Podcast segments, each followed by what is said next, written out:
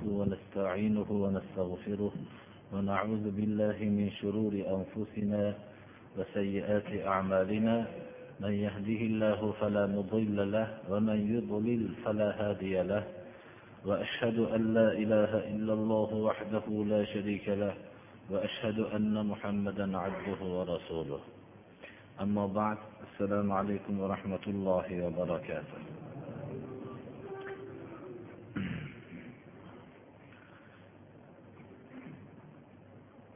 استعيذ بالله كدأب آل فرعون والذين من قبلهم كفروا بآيات الله فأخذهم الله بذنوبهم إن الله قوي شديد العقاب. ذلك بأن الله لم يكن مغيرا نعمة أنعمها على قوم حتى يغيروا ما بأنفسهم وأن الله سميع عليم. كدأب آل فرعون والذين من قبلهم كذبوا بآيات ربهم فأهلكناهم بذنوبهم وأغرقنا آل فرعون وكل كانوا ظالمين alloh subhanahu va taolo kofirlarni jon taslim qilayotgan vaqtda maloikalar tarafidan ularni yuzlari va orqalariga urib xorlangan holatda ularning vafot toptirilishlarini ularning xor bir holatlarini bayon qilgandan keyin bu kofirlarning xorlanishligi yangi narsa emas. Kofirlarning o'layotgan vaqtdagi xorlanishlari xuddi fir'avn ahlini xorlanganiga o'xshaganki ulardan ilgarigilar kofirlarni ham xorlanganiga o'xshagan. Bu ollohning sunnati. Kofirlarni dunyodan o'tayotgan vaqtda xorlashlik bu alloh subhanahu va taoloning sunnatidir. Chunki ular ollohning oyatlariga kofir bo'lishgan. Alloh subhanahu va taolo ularni gunohlari bilan halok qilgan olloh quvvatli va azobi qattiq bo'lgan zotdir. Haqiqatda ham kofirlar hayotda o'zlarini istilohlarida bo'lgan dabdabalarni surishadi. O'zlarining hayotlarida musulmonlarni masxara qiladi. O'zlarining hayotlarida mo'minlarga musulmonlarga ozor yetkazadi. Shu bilan faxrlanib ham qo'yishadi. Ammo o'layotgan vaqtida xorlanishligini ozgina inson bir qisqa hayotida ham har qanday kofirni xorlanganligini ko'rgandir. Tarixdan biror bir kofir xorlanmagan holatda qolmagan albatta xorlangan. Shunchalik uni botil maqtaydigan uni ko'tarinki ruhlar bilan juda baland martabalarga chiqargan odamlar bo'lishligiga qaramasdan yana yana ham ollohni sunnatiga muvofiqki kofirlarni o'zini xorlashligi juda ham alamlidir shuning uchun bu alloh subhana va taoloning sunnati o'zgarmaydi bu sunnat. Bu hayotdagi yo'l o'zgarmaydi. Har bir odam o'zining qisqa hayotida ham mana juda ham ertayu kech maqtalgan kofirlarni o'layotgan vaqtda o'lgandan keyin tamomiy hayotni o'zida xorlanganligini nechi bor eshitgan. Millatlarini yo butun sotqinlik qilib hamma musulmonlarga zarar yetkazgan kofirlarni kofirlarning o'zi xorlashgan. Bu alloh subhana va taoloning tarixdagi sunnatidir. Bu keyingi oyatlarni ham mana qisqacha bayon qilgan bo'ldik. Alloh subhana va taolo bir millatdagi ne'matni o'zgartirmaydi. Magar u millat o'zini o'zini shaxsiy ahvolidagi holatni o'zgartirgandan keyin alloh subhana va taolo umum millatdagi holatni o'zgartirib tashlaydi. Ne'mat bergan bo'lsa uni olib qo'yadi. Bu chunki bu ne'matni shukrini ado qilmaganligi uchun bu millat ichidagi kishilar alloh subhana va taolo umum bashariyatga bergan ne'matni olib qo'yadi.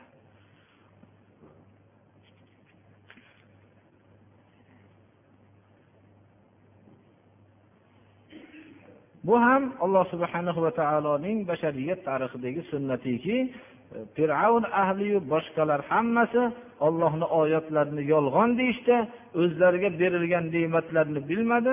Alloh subhana va taolo mana bayon qilyaptiki gunohlari bilan halok qildik fir'avn ahlini g'arb qilib tashladik chunki ularning hammasi zolim bo'lgan ya'ni kofir bo'lgan mushrik bo'lgan va hokazo.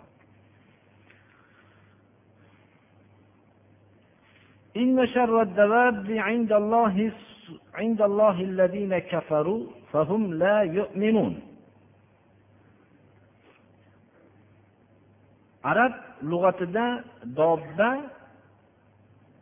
uning jami davob ya'ni sudralib yuruvchi hayvonlarni aytadi keyinchalik dobba deb to'rt oyoqli hayvonlarga bu kalimani iste'mol qilingan. Ho sudralib yurgan bo'lsin ho yurgan bo'lsin. Insonlar oldida hayvonlar borki ot eshak va hokazo mol qo'y va hokazo hayvonlar bor. Odamlar bu hayvonlarni ichida yomoni deb e'tibor qiladigani bor. Har bir millat o'ziga xos bir hayvonni yomon ko'radi. Ba'zi bir millat ya'ni islom millati masalan itni yomon ko'rsa biz hozirgi hali it boqib yurgan odamlarni aytayotganimiz yo'q. Biz musulmonlarni aytyapmiz birodarlar. Musulmonlar itni yomon ko'rishsa itni biror bir idishlarga tegib qolishligidan hazar ko'rib yomon hayvon it degan bo'lsa ba'zi millatlar itni go'shtini yo'radi ba'zi millatlar biror bir hayvonni yomon ko'rsa u hayvon ularni nazdida eng yaxshi hayvon hisoblanadi. Va uning aksiki bir millatda bir hayvon yaxshi ko'rilib yursa uni go'shti masalan halol bo'lgan hayvonlarni suyib yesa masalan qo'y hayvonini bizni musulmonlar ko'proq yaxshi ko'rishsa boshqa millatlar buni yomon ko'raveradi. Mutlaqo go'shtni yemaydi. Shunga endi alloh subhanahu va taolo bizlarga mana bu o'rinda bir hayvonni bir turini aytyapti. U hayvonni ollohning huzurida eng yomon hayvon deyapti. Hayvonlarning ollohni huzuridagi eng yomoni kofirlardir deyapti.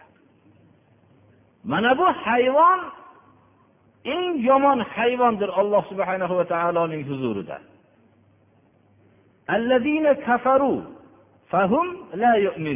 Iymon sifati bo'lmagan kofirlar ollohning huzuridagi hayvonlarning eshak va itdan ham battaridir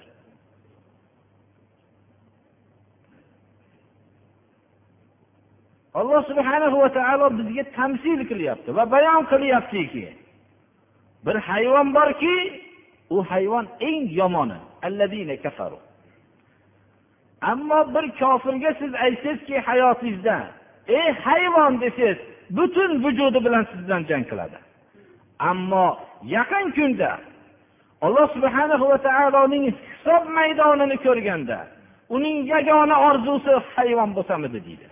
Eshak bo'lsamidi deydi. Chunki eshaklar qatorida hisob bermasdan tuproq bo'lib ketardim deydi. Deydi. Qaniydi men yagona orzusi? Uning orzusi qani bir jannatga kirsamidi bo'lmaydi. Uning orzusi moli davlatim bo'lsa bo'lmaydi. Uning orzusi bir hovli joylarim bo'lsa degan orzusi bo'lmaydi. Uning orzusi yagona orzusi eshak itlarga o'xshagan tuproq olib ketsamidi hisob bermasdan deydi. Chunki hayvon alloh subhanahu va taoloning yaratgan g'arizasidan tashqariga chiqolmaydi. U rizq topib yeyishlik g'arizasi o'rnatilgan shu yo'nalishdan tashqari harakat qilolmaydi. U o'zining jinsiy aloqasida alloh subhana va taolo yaratgan g'ariza tabiatidan tashqariga chiqolmaydi ammo inson g'ariza bilan birga u agar aqlini makr yo'liga ishlatadigan bo'lsa hayvonlar hijolat bo'ladigan yo'llarni topadi. Mana hozirgi bashariyat tarixidagi bo'layotgan voqealar hayvonlar hijolat bo'ladigan narsalardir birodarlar. Alloh subhana va taolo qur'oni karimda lut alayhissalomning qavmini lut alayhissalomning davrida erkaklarning o'zaro jinsiy aloqasi vujudga keldi. Bunday najas amal lut alayhissalomdan ilgari bu amal vujudga kelgan emas edi. Shuning uchun lut alayhissalom ogohlantirdilar ey qavmim ollohdan qo'rqinglar bu gunohni qilishlikdan.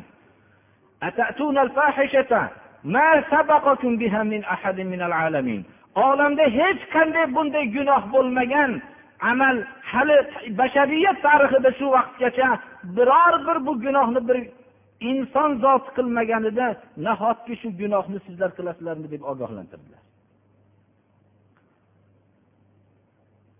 Ilgarigi davrda bizga hozirgi faylasuf madaniyatlik sanagan odamlar odamlar qoloq bo'lgan deyishadi. Endi siz ilmiy ommabop majallalarda daniya hukumatida agar bir johillarning majallasi bo'lsa unga hech qanday siz ajablanmasangiz bo'laveradi. Ammo ilmiy olimlar ziyolilar bo'lgan majallada shularga xos bo'lgan majallada shop mo'ylovli kelinlar deb masxaraomiz kalimasi bilan bunday jinsiy iflos nopok tabiatni maqtab masxara omiz qilib yozilganligini kim bu narsani madaniyat deyolmaydi ha yigirmanchi asr insonlarining madaniyati shu cho'qqiga yetdi daryo hukumatida erkaklar nikohdan o'tyapti. Inson mana shunday nopok manzilga chiqdi. Ha inson fazoga chiqdi. Fazoda uchishni o'rgandi. Inson katta okeanuslarda suzishni o'rgandi. Inson havoda uchishni o'rgandi ammo yerda yurishni esdan chiqardi. Mana bu haqiqatda ham inson g'arizasi iymonga tobe bo'lmasa u vujudga kelgan insondan vujudga kelgan xatolar oldida hayvon ham mabodo yaqasi bo'lganda yaqasini ushlab qolgan bo'lardi. Ana shunday darajada razolat aql tarafidan ixtiro qilinadi. Nima uchun? Oxiratga iymon yo'q. U o'lgandan keyingi hisobga iymon keltirmaydi. Hatto olimlarning majallasida uning masxara qon yig'lash o'rniga masxara omiz kalimasi bilan uning bir o'qib kulib qo'yadigan darajaga chiqib qoldi birodarlar. Agar bundan ilgari biror bir ellik yil yo yuz yil ilgari yuz yil ilgari desak bashariyat shunchalik bir razolat girdobiga cho'kadi desa odam tasdiq qilmasdi birodarlar. Dinsizlik dahriylik insonni shu darajada cho'ktirdiki endi oila qurib unga mayda chuydalar oila nafaqalarini tashishlik nodonlik deb o'zaro jinsiy nikohga o'tishlik darajasiga o'tdi. Nikoh kalimasini ham bunga hayb qilib gapirmasligimiz kerak edi o'zi. Jinsiy ifloslikka o'tdi. Mana bu oyatning tasdig'ini shundan bilamizki odamlar oldida eng yomon hayvonlarning turlari bor. Ha ba'zi millat itni ba'zi millat eshak ba'zi millat uni ollohning huzuridagi hayvonlarning eng yomoni kofirlardir. Ular iymon sifati yo'q bo'lgan kofirlardir.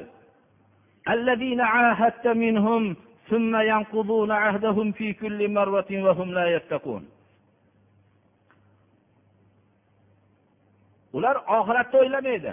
Shuning uchun siz ular bilan ahdlashsangiz ey muhammad alayhissalom deydi alloh subhanahu va taolo ular bilan ahdlashsangiz oz fursatdan keyin ular ahdlarini buzishadi. Ahdni bir marta buzmaydi ular. Har martada buzishadi. Ahdni buzishlik bilan birga yana mutlaqo yomonliklardan o'zini saqlamasdan ahdni buzishlikdan tashqari hamma yomonliklar rizolatlarni qilishaveradi.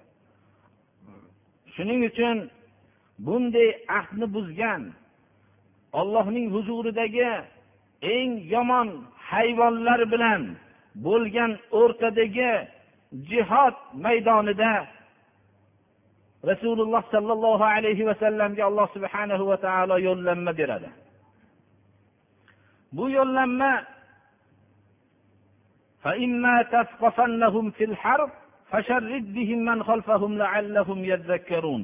agar ularni siz jangda topsangiz bular bilan ularning orqasida turgan himoyachilarni ham ularni dahshatga solib ularni ham quving. Ya'ni ularga ham quvg'in bildiring. Bular bilan ularni orqasidagi himoyachilarni ham o'ziga xos bir qo'rqituv bildirishlikka alloh subhana va taolo yo'llanma beryapti. Shoyat bular bilan ular ham tafakkur qilib ibratlanib qolishsa. Inson ko'p vaqtda yaxshilik bilan ibratlanmaydi. Agar yaxshilik bilan ibratlanganda bashariyat tarixida jang sodir bo'lmagan bo'lardi. Vaholanki bashariyat yer yuzida bor ekan yer kurrasida hech qachon bir bu harb doim davom etadi. Botil yaxshilikning barpo bo'lishligini ko'ra olmaydi. Botil to shu yaxshilik dunyodan yo'q bo'lmaguncha o'zining tik turishligini hech o'ylolmaydi. Shuning uchun doim haq bilan doim kurashib boradi. Alloh subhana va taolo mana bu jangda rasululloh sollallohu alayhi vasallamga mana bu yo'llanmani berdi.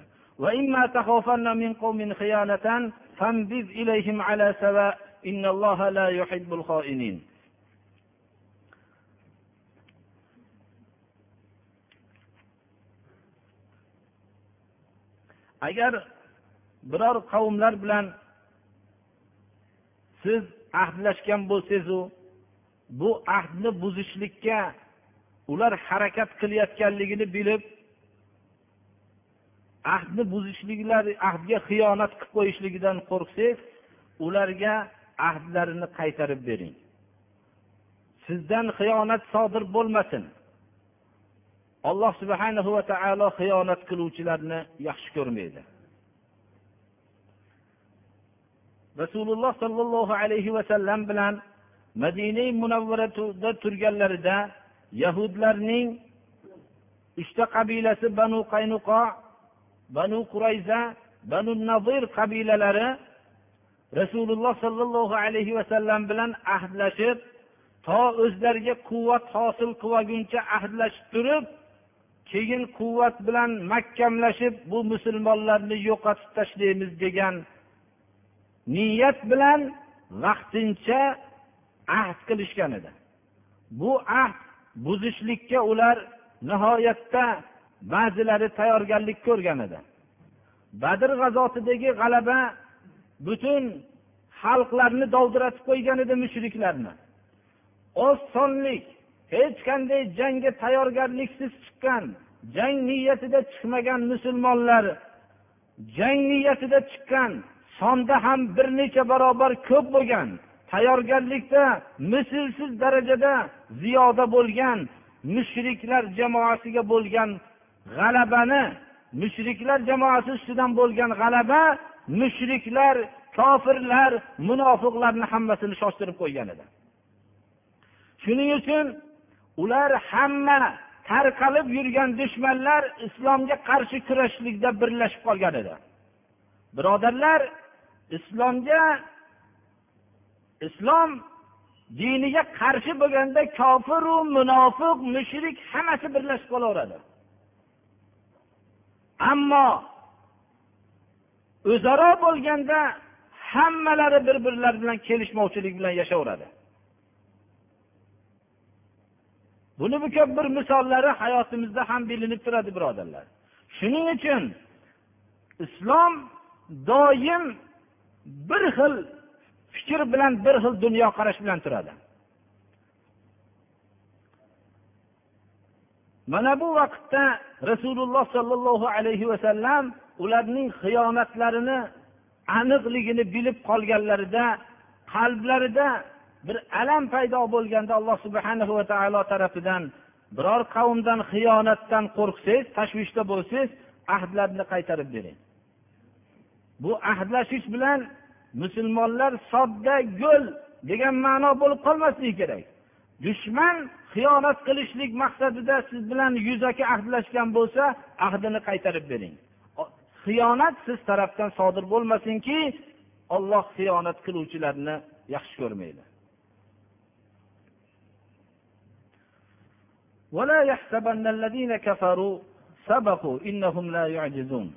Kofirlar ilgarilib ketganligini gumon qilishmasin. Biz ilgarilib ketganmiz deb o'ylashib gumon qilmasin ular hech bir narsani ojiz qiluvchi emas. Alloh subhanahu va taolo mo'minlarni faqat so'z bilangina gapirishlikka chorlagani yo'q. وأعدوا لهم ما استطعتم من قوة ومن رباط الخيل ترهبون به عدو الله وعدوكم وآخرين من دونهم لا تعلمونهم الله يعلمهم وما تنفقوا من شيء في سبيل الله يوفى إليكم وأنتم لا تظلمون rasululloh sollallohu alayhi vasallamga mana bu oyat madinada turganlarida nozil bo'ldi mushrik kofirlarga imkoniyatinglar boricha kuch bilan hozirlik ko'ringlar. Ot bu bog'lab tarbiyalangan otlar shu davrdagi jihod asbobi edi odatda mujohidlar piyodaga bir ulush otliqqa bo'lsa unga uch barobar berilardi. Chunki oti bilan ko'p ishlarni bajarganligi va hamda otiga qarashlik hisobini ham qilinib o'zi taqsimot shu uslubda edi alloh subhana va taolo mana bu oyatda imkoniyatinglar boricha quvvat bilan hozirlik ko'ringlar. Ot bog'langan otlarni bog'lashlik bilan ya'ni tayyorlashlik bilan hozirlik ko'ringlar.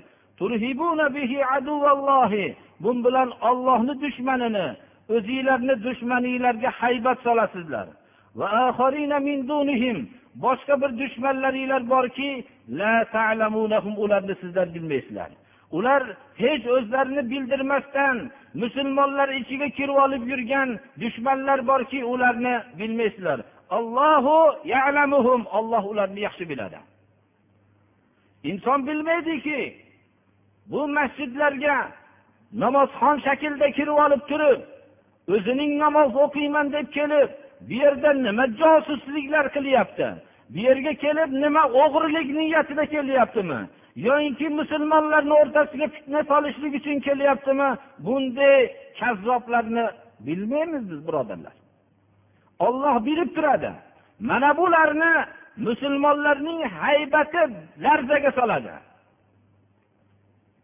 Alloh subhana va taolo mana bu oyatda ollohni dushmanlarini va o'zinglarning dushmanlaringlarni va boshqa ulardan boshqa dushmanlar borki sizlar bilmaysizlar olloh ularni bilib turadi.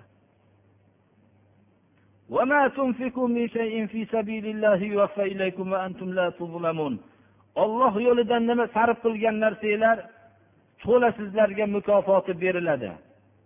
Sizlar zulmlanmagan holatinglarda. Olloh yo'lidagi jihod xususan rasululloh sollallohu alayhi vasallamning davrlarida makkadan madinaga hijrat qilgan muhojirlar vatanlari mollaridan ajralib borgan muhojirlarga jihod maydonida ollohni yo'lida infoq qiladigan kishilarga muhtoj edi. Olloh yo'lidagi infoq qilishlik iymon alomatidir. Olloh yo'lida infoq qilmaslik bu nifoq alomatidir. Alloh subhanahu va taolo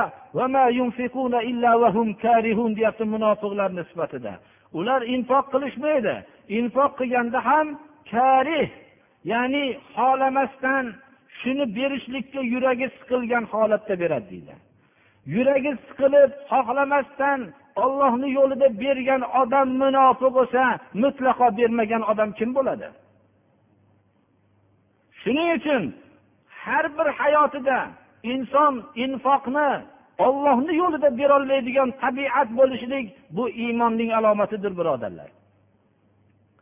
Din islomda bir davrda yashaganda bir mahallada yashagan insonlar borki biror chaqa bo'lsa ham ollohni yo'lida sarf qilmagan insonlar ham bir mahallada yashaydi. Hayotida shu molim faqat ollohni yo'liga sarf bo'lsin deb niyat qilgan kishilar ham shu mahallada yashaydi. Ming ming mablag'larini ma'siyat gunohlarga sarflaganlar ham shu bir mahallada yashaydi. Biror bir chaqani ham ollohni ma'siyatiga sarf qilishlikdan qo'rqqan kishilar ham shu mahallada yashaydi. Alloh subhanahu va taolo havo bir bo'lsa ham yer o'rtada bir bo'lsa ham biz bilan sizni ko'zimizga ko'rinmaydigan bir katta bir barzax to'siqni qilib qo'yganki u boshqa bir dunyoda yashaydi bu boshqa bir dunyoda yashaydi birodarlar. Shunday emasmi? Bir devor to'sib turgan xonadonlar borki narigi xonadonda faqat ma'siyat va gunoh bo'lishligidan tashqari bu berigi xonadonda bo'layotgan islomga muvofiq hayotga to'sqinlik qilib shunga xalaqit beradigan har xil tovushlar bilan ibodatlarini tilovat qur'onlarini ham buzadigan butun jihozlarni ishlatib turadi mana bunday bebaxt odamlar ham bir mahallada yashaydi birodarlar. Masjidlar qurilgan masjid bilan bir devor bo'lib turib biror vaqt namoz o'qimagan bebaxtlar ham shu bir mahallada yashaydi birodarlar. Undan o'zining ibodatga yo'qligidan tashqari shu masjidni yonida shu masjiddagi ibodatni putur yetkazadigan baland ovozli tovushlarni qo'yib shu namozini putur yetkazishlik uchun harakat qilayotgan bebaxt ham shu mahallada yashaydi birodarlar. Mana bu narsa agar shu islom hayotinida yashamasangiz bu odamlarning islomning ashaddiy dushmani ekanligini bilmasdik birodarlar. Biz bir mahallada yashayverardik qachon bu islomni dushman ekanligini bildik. Islomga muvofiq qanday qilsam to'g'ri yashar ekanman degan bizda e'tiqod paydo bo'lgandan keyin ana u vaqtda islomning dushmanlari kim ekanligi ma'lum bo'ldi. Bo'lmasam bir mahallada yurilaveradi birodarlar bir namoz o'qish ro'za tutish va hokazo bu narsalar bilan haqiqiy islom bilinmaydi. Olloh uchun birovni yaxshi ko'rish ollohni uchun birovni yomon ko'rishlik bilan islom ajraydi. Mana bu joyda olloh yo'lida biror bir chaqa sarf qilolmasdan yashagan odamlar ham bor olloh yo'lida molini sarf qilib yurgan kishilar ham bor birodarlar. Qiyomat kuni alloh subhana va taolo olloh yo'lida xizmat qilganlarga olloh amallarini qabul qilsin. Mana bu soatda mukofotni berganda nahotki men ham shu bilan bir mahallada yashovdimmikin nahotki men bir shunchalik yaqin turgan edimmi shu bilan? deb o'zi ko'p attanglar qiladi. Lekin bu attanglar unga foyda bermaydi.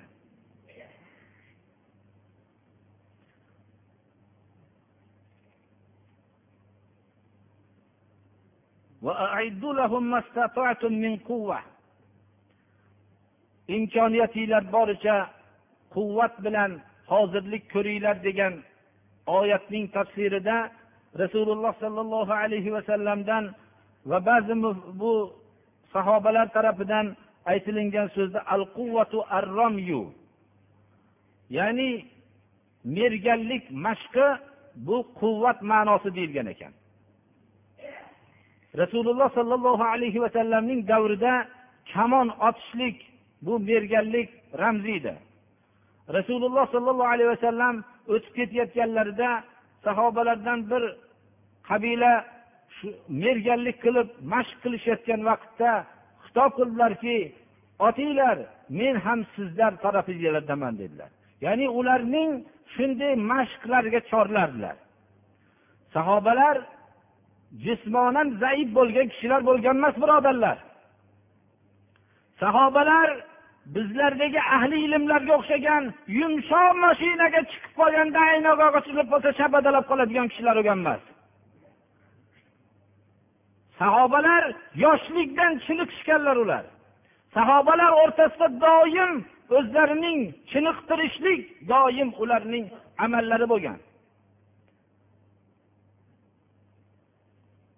Ular haftalab haftalab o'zlarini dam oldirib shunday rohatlantirib yuradigan kishilar bo'lgan emas ular sahobalar hech qachon unday kasalxonalarda uzoq vaqt yotadigan kishilar bo'lgan emas sahobalarning holid ibn valid biror bir qarich badanimda o'rin yo'qki yo nayza kirmagan yo shamshir kirmagan yoinki bir kamon o'q kirmagan biror bir qarich masofa yo'q.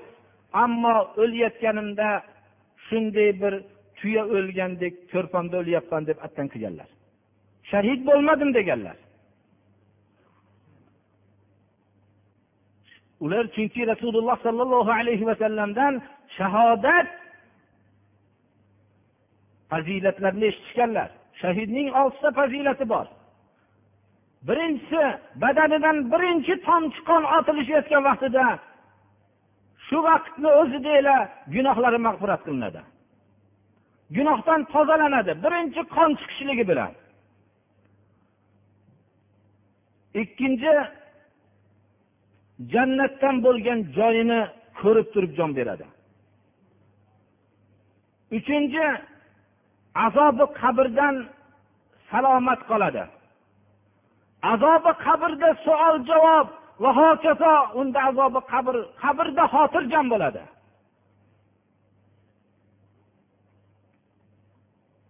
To'rtinchi fazaul akbar qiyomat dahshatidan. Payg'ambarlar oldiga ummatlar borib menga yordam bering axir siz shunday emasmidingiz? deb ummatlari borganda o'zimni holim nima bo'lar ekan men bilmayman hozir deb turgan dahshat soatlarida shahid xotirjam turadi.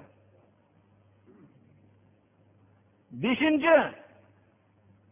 O'zining qaramog'idan yetmish ikki kishini olloh shafoatga izn beradi. Jahannamga gunohi ko'pligi sababli uloqtiriladigan yetmish ikki kishini shafoat qilib oladi. Olloh izn beradi. Buni tagida allohu alam hikmat shu bo'lsa kerak. Hikmatlari ko'p albatta. Odamlar o'zining qarindosh urug'lari farzandlari aka ukalarini shunday tarbiya qilsinki ichimizdan biz ham bir shahid chiqsinki bizning gunohlarimizni alloh subhana va taolo izn berganda albatta qarindoshlarga bir qarasa kerak deb ichidan shahid chiqarishlikka harakat qilishligiga chorlaydi. Undan keyin shahid bo'lganda xafa bo'lmasdan endi bizning ichimizdan ham ollohni izni bilan shahid chiqdiki shafoat qilib oladigan yetmish ikki kishiga izn beriladigan kishi chiqdi deb quvonch paydo bo'lishligi uchun ham bo'lsa kerak allohu alam. Adadini olloh o'zi biladi.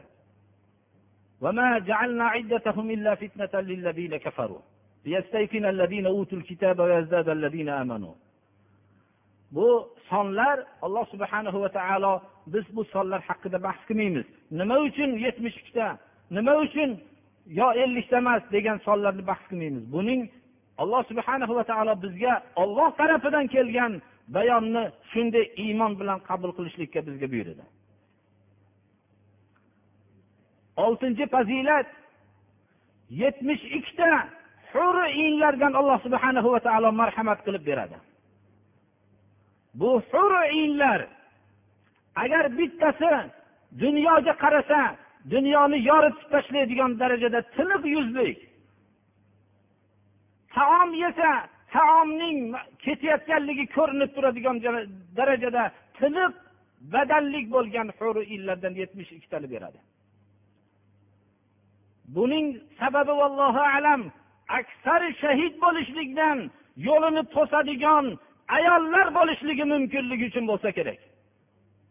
Chunki hayotda faqat xotirjam dunyoda posiqmi munofiqmi kofirmi xotirjam yashashlikka chorlaydigan aksar ayollar bo'ladi birodarlar. Va shu bilan birga bu hadisni eshitib ayollar o'zining farzandlarini faqat ollohni yo'lida xizmat qiladigan qilib tarbiya qilinishlikka chorlasa kerak. Va shahid niyatida bo'lgan odam o'zining ayoliga aytolasinki bu hadisdan mana shu hikmat ham ma'lum bo'ladiki meni alloh subhana va taolo yo'lidagi xizmatdan to'smagin. Agar meni sen to'ssang meni senga o'xshagan shahodat dini xizmat yo'lini to'sadigan odamlardan alloh subhanahu va taolo meni xotirjam qilib qo'ygan oxiratda deb shuni aytolasan mana bu narsa rasululloh sollallohu alayhi vasallamning davrlaridagi bo'lgan mana bu oyatning tadbiqi ular nihoyat darajada har bir tarafdan mukammal bo'lishganlar. Hatto rofi ibn hudayj samurat ibn jundab ikkovlarini rasululloh sollallohu alayhi vasallam jihodda sab bo'lib turganlarida yosh bolalar ham safga kirib olib oyoqlarini uchlari bilan turardiki kichkinaligi bilinmasin deb. Rasululloh sollallohu alayhi vasallam hassoslik bilan qarab ikkovlarini safdan chiqardilar bolalik yosh bo'lganligi uchun. Va bittalarini mergan deyilganligi uchun qabul qildilar. Demak bolalar ham shu vaqtda o'zining ana shu zamonning shu merganlik ilmini bilishgan ekan. Shunda ikkinchilari o'gay dadalarining oldiga borib aytdilarki rasululloh sollallohu alayhi vasallam bu sherigimga ruxsat berdiyu menga ruxsat bermadi ammo kurashsam men yiqitaman dedilar. Rasululloh sollallohu alayhi vasallamning oldiga dadalari kelib aytdi. Shunda chaqirtirdilarda ikkovlarini kurashtirdilar. Kurashganlarida haqiqatda yiqitdilar va shundan keyin u kishini ham qabul qildi. Demak bolalar jismonan nihoyat darajada sog'lom bo'lib o'stirilishligiga.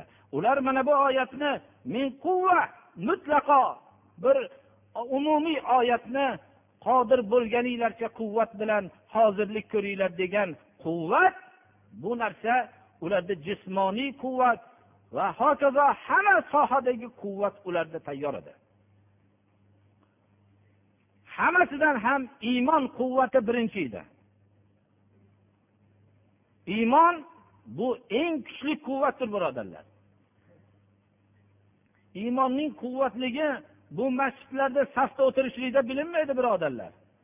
Dahshat vujudga kelganda bilinadi. Alloh subhana va taolo insondagi iymonning quvvat va zaifligini hammasini ochib tashlaydi bu insonni iymoniga islomga muvofiq hayot kechirayotganda o'zining lavozimidan chetlashlikka to'g'ri kelganda moli davlatidan ajralishlikka to'g'ri kelganda jasadiga biror bir alam tushayotganda mana bu vaqtlarda iymon ajraydi. Bu vaqtda u haqiqatda iymon quvvatini hozirlaganmi yo'qmi mana bu vaqtda bilinadi. وإن جنحوا للسلم فاجنح لها وتوكل على الله إنه هو السميع العليم agar ular sulhga moyil bo'lishsa mushriklar o'zlari jang qilishlik niyatida kelib endi bular siz bilan sulh qilishlikka moyil bo'lishsa fajnahlaha siz ham moyil bo'ling ya'ni ular bilan shu sizdan sulh talab qilishadigan bo'lsa siz sulhga tayyor bo'ling ularni meni aldab qo'yarmikin Bular hiyla bilan kelyaptimikin deb qo'rqmang. Va tavakkal alalloh allohga tavakkul qiling bu sohada.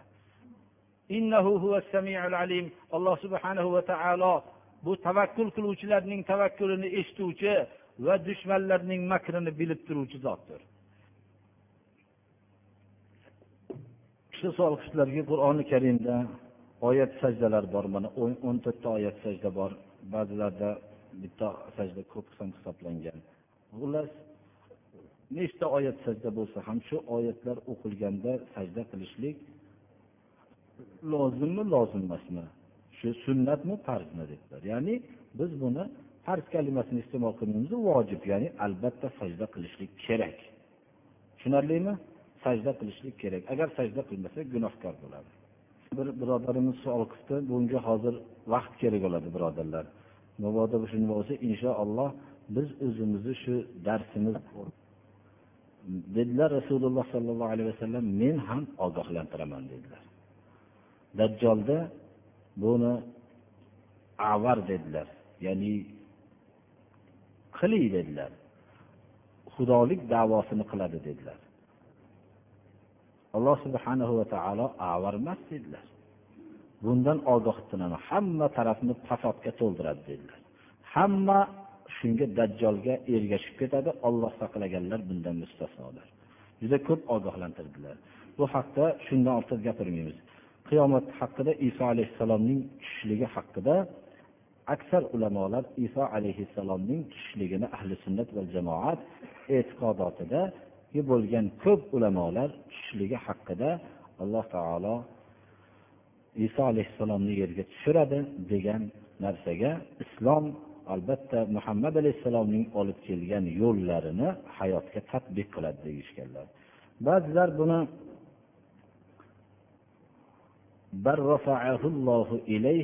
oyati bunga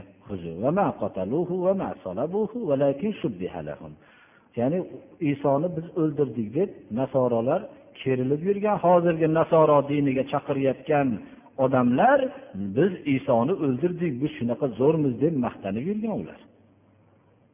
Iso alayhissalomni alloh subhana va taolo bu yerda ular o'ldirgani yo'q. Osishgani ham yo'q. Alloh subhana va taolo o'zini huzuriga ko'tardi. Ba'zilar bu yerda mana bu yerda o'ldirishgani yo'q. Demak iso alayhissalomni bu yerda tirikligiga hujjat keltirgan kishilarning ham o'ziga hujjatlari bor. U kishi vafot topganlar alloh taolo u kishini o'zini huzuriga olib chiqib ketgan degan kishilarning ham o'ziga xos hujjatlari bor. Lekin hujjatning kuchlisi iso alayhissalomning nuzuli tushishligi haqidadir. O'lganliklariga hujjat yo'q. Ba'zilar ular o'ldirgani yo'q degan kalima bilan o'ldirishgani yo'q deganda balki vafot topgan deb vafot topdi deganlar hujjat qilishadi. Lekin oyati u kishi beshikda va qariganda gapiradi degan oyat tirikliklarga hujjat.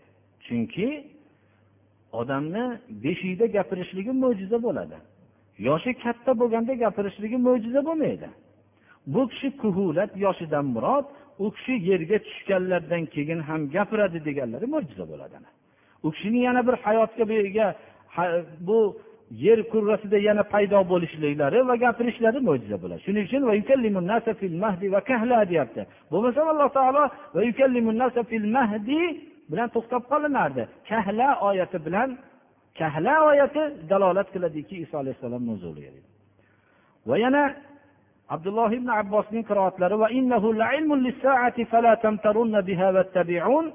oyatida qiroati borki alam kalimasi alomat qiyomatni alomati qiyomatni alomati qanday bo'ladi iso alayhissalom ollohni huzuriga ko'tarilib ketgan iso alayhissalom yerda yana vujudga kelsalar ina keyin bir alomat bo'ladi u narsa va hokazo وإن من أهل الكتاب إلا ليؤمنن به قبل موته zamirini qobla mavtihini zamiri bu iso alayhissalomga boradi. Ahli kitobiki bor.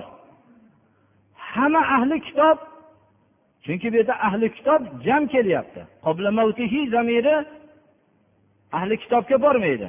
Va iso alayhissalomga borgandan keyin u kishining o'limidan ilgari nomiki ahli kitob bo'lsa ular iso alayhissalom ollohni payg'ambari ekan ollohni o'g'li emas ekan degan narsaga iymon keltiradi degan ma'noda.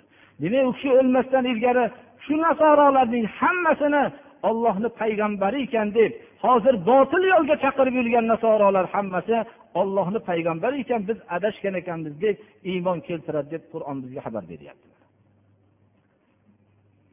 Iso alayhissalom vafot qildi deganlar bu oyatga javob berishadiki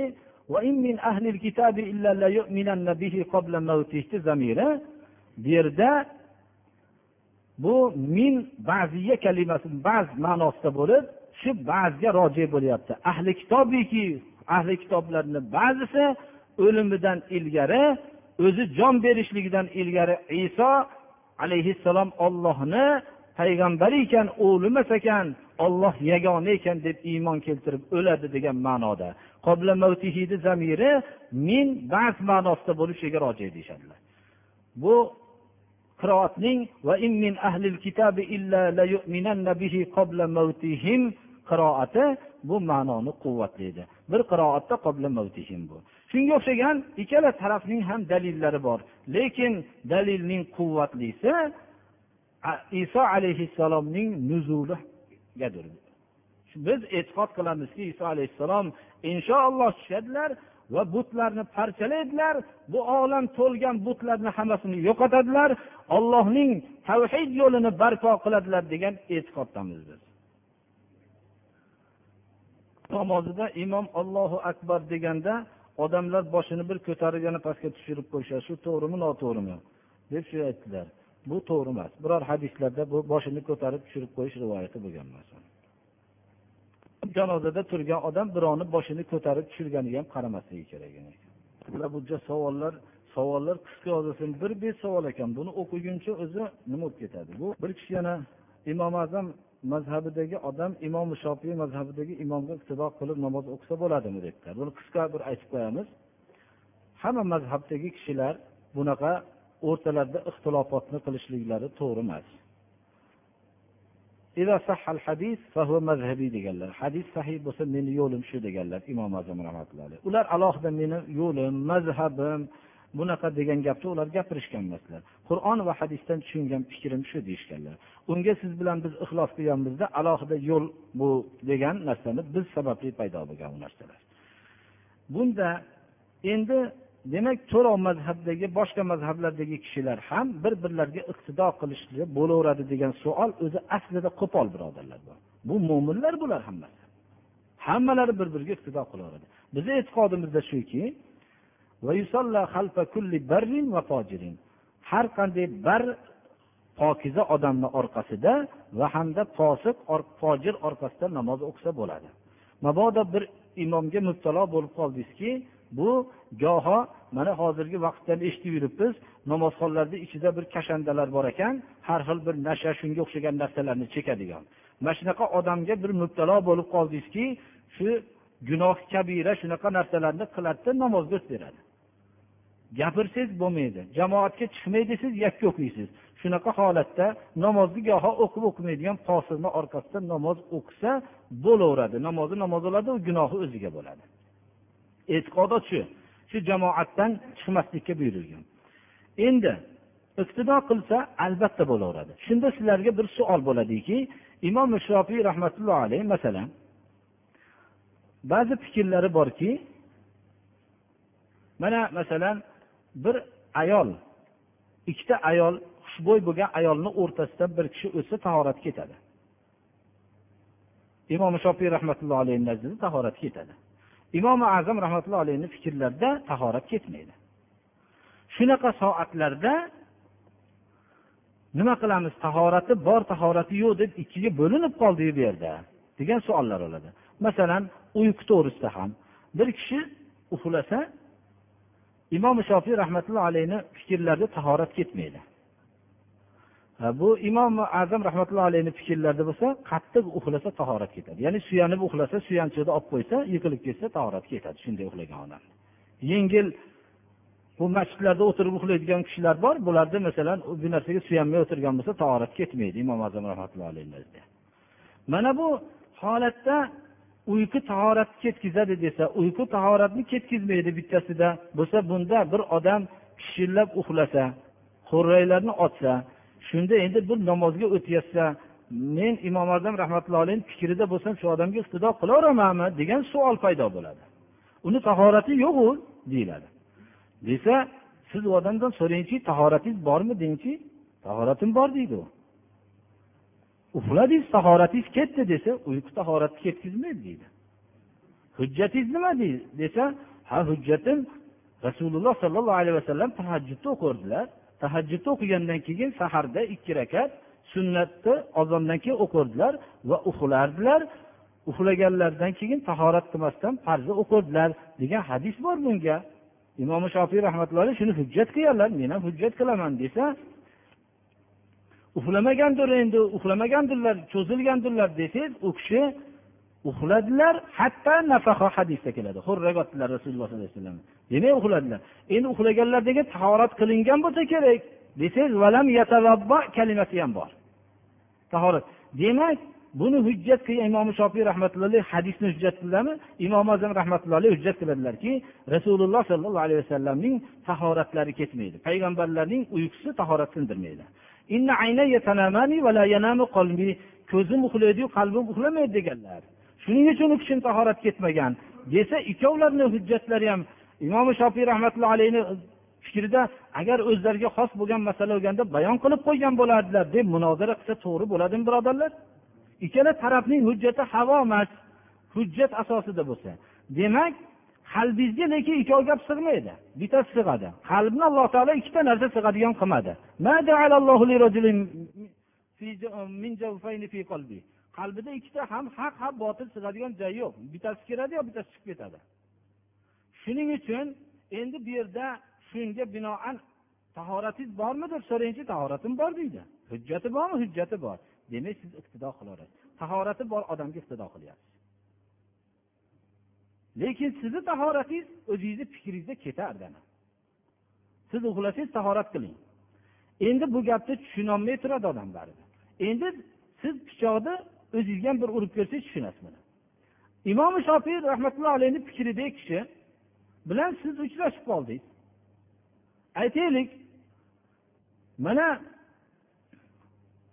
siz hozirgi vaqtdagi mana odamlar to'planib chiqadigan katta sayyoraga chiqdingiz. Ayolu erkak kambarchas joyga chiqqan.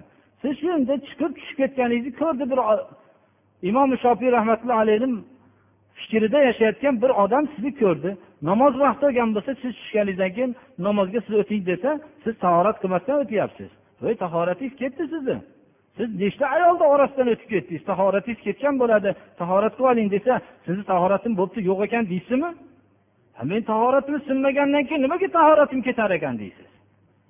Tahoratim bormi? Tahoratimiz singanini men bilamanmi siz bilasizmi deydi. Men tahoratim bor mana. Ha siz ayollarni o'rtasidan o'tib ketdingiz desa ayollarni o'rtasidan o'tishlik bilan tahorat ketmaydi deysiz.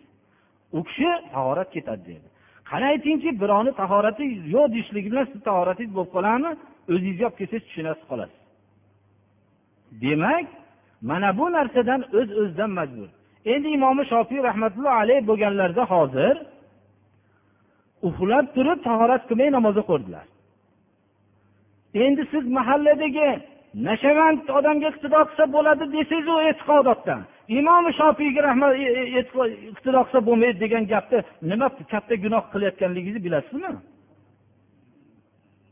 Shuning uchun bizni e'tiqodotimiz mana bu narsani biz ajratib tushunmoqligimiz kerakki biz o'rtadagi fikrlarni ummatning oyat va hadis asosida bo'lgan ixtilofi bizga rahmat bo'ladi birodarlar.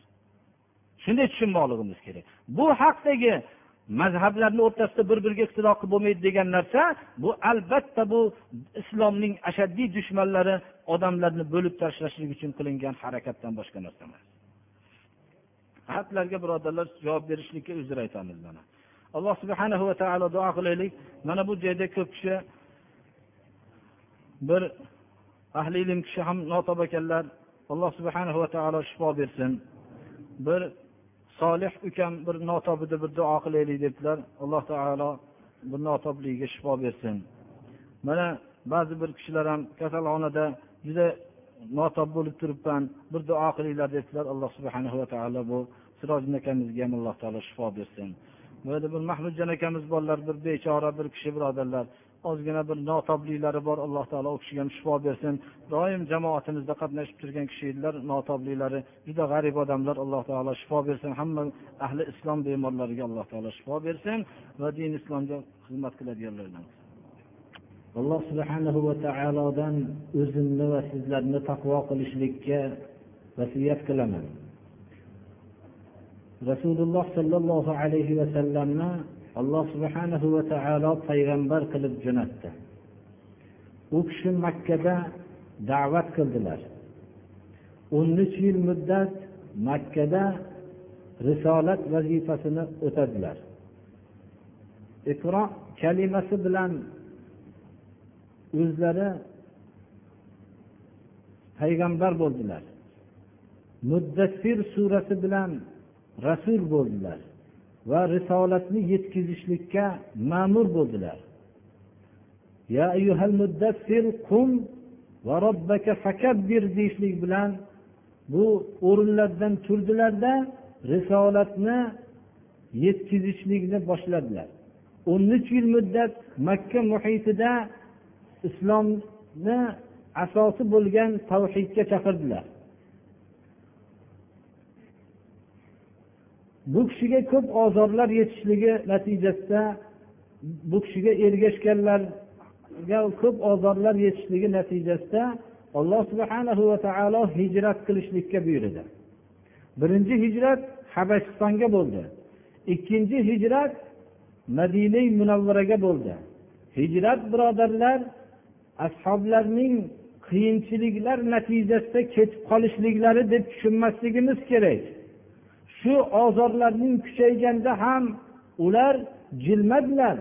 Magar olloh tarafidan rasuliga hijrat farz qilindi hijrat qilishlikka sahobalarni buyurdilar.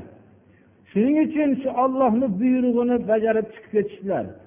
Ular hamma narsani tashlab ketishlari mumkin edi ammo rasululloh sollallohu alayhi vasallamni tashlamasdilar.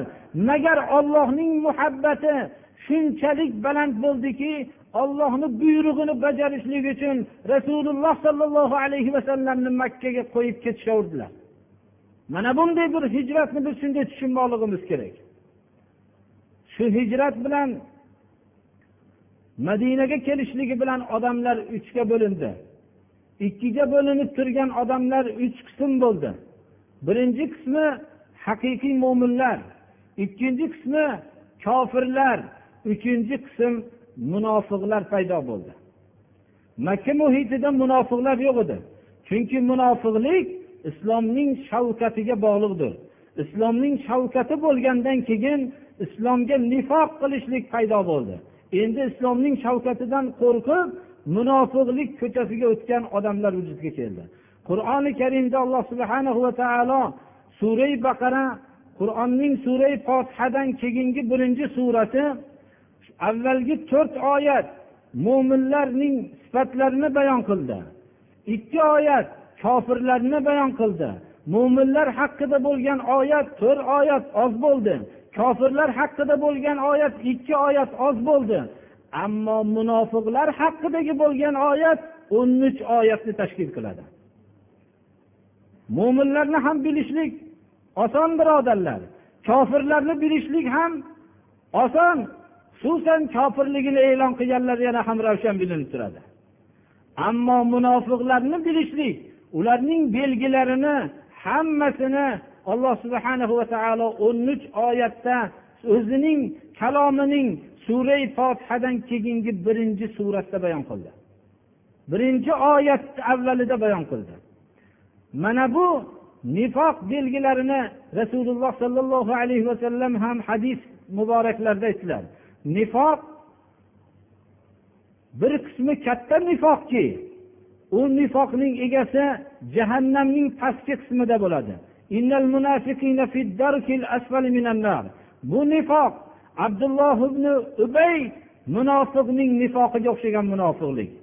U katta nifoqning belgilarining ba'zisi islom pasayib islom ahli islomlarga zararlar yetsa ahli islomlar go'yoki dini islomni zohirda ko'rinib turishligida pastlayotganligini ko'rsa quvonishlik bu katta munofiqlikdir.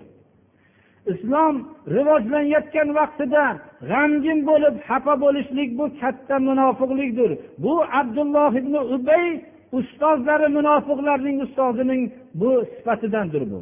Bunday munofiqlar jahannamning pastki qismida bo'ladi.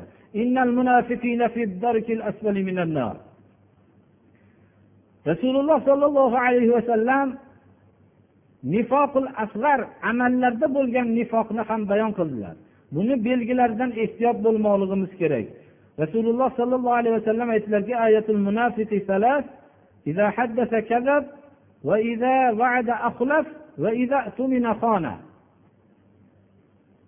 ba'zi rivoyatlarda va va soma va zaama annahu muslim qo'shilgan Bizlarni namoz o'qib ro'za tutib musulmonman deb e'lon qilib yurishligimiz mag'rurlantirib qo'ymasin.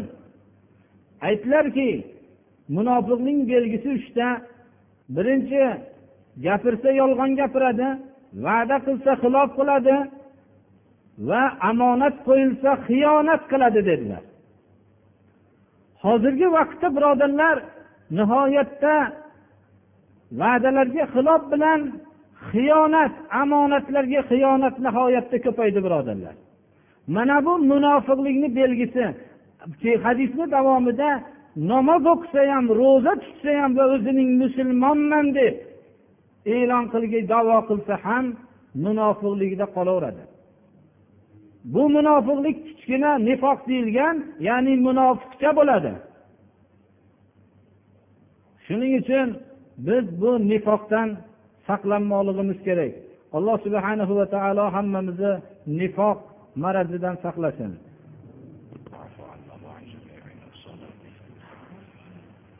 اللهم استرنا بسترك الجميل في الدنيا يا مقلب القلوب ثبت قلوبنا يا على فيه صلاح وخير اللهم انا نعوذ بك من الكفر والفقر والجبن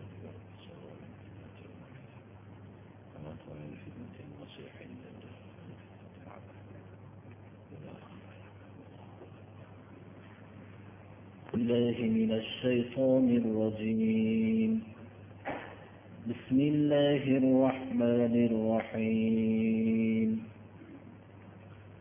يا أيها الذين آمنوا قوا أنفسكم وأهليكم نارا وقودها الناس والحجارة عليها ملائكة عليها ملائكة غلاب شداد لا يعصون الله ما أمرهم ويفعلون ما يحمرون يا أيها الذين كفروا لا تعتذروا اليوم إنما تجزون ما كنتم تعملون يا أيها الذين آمنوا توبوا إلى الله توبة نصوحا عسى ربكم أن يكفر عنكم سيئاتكم ويدخلكم جنات تجري من تحتها الأنهار.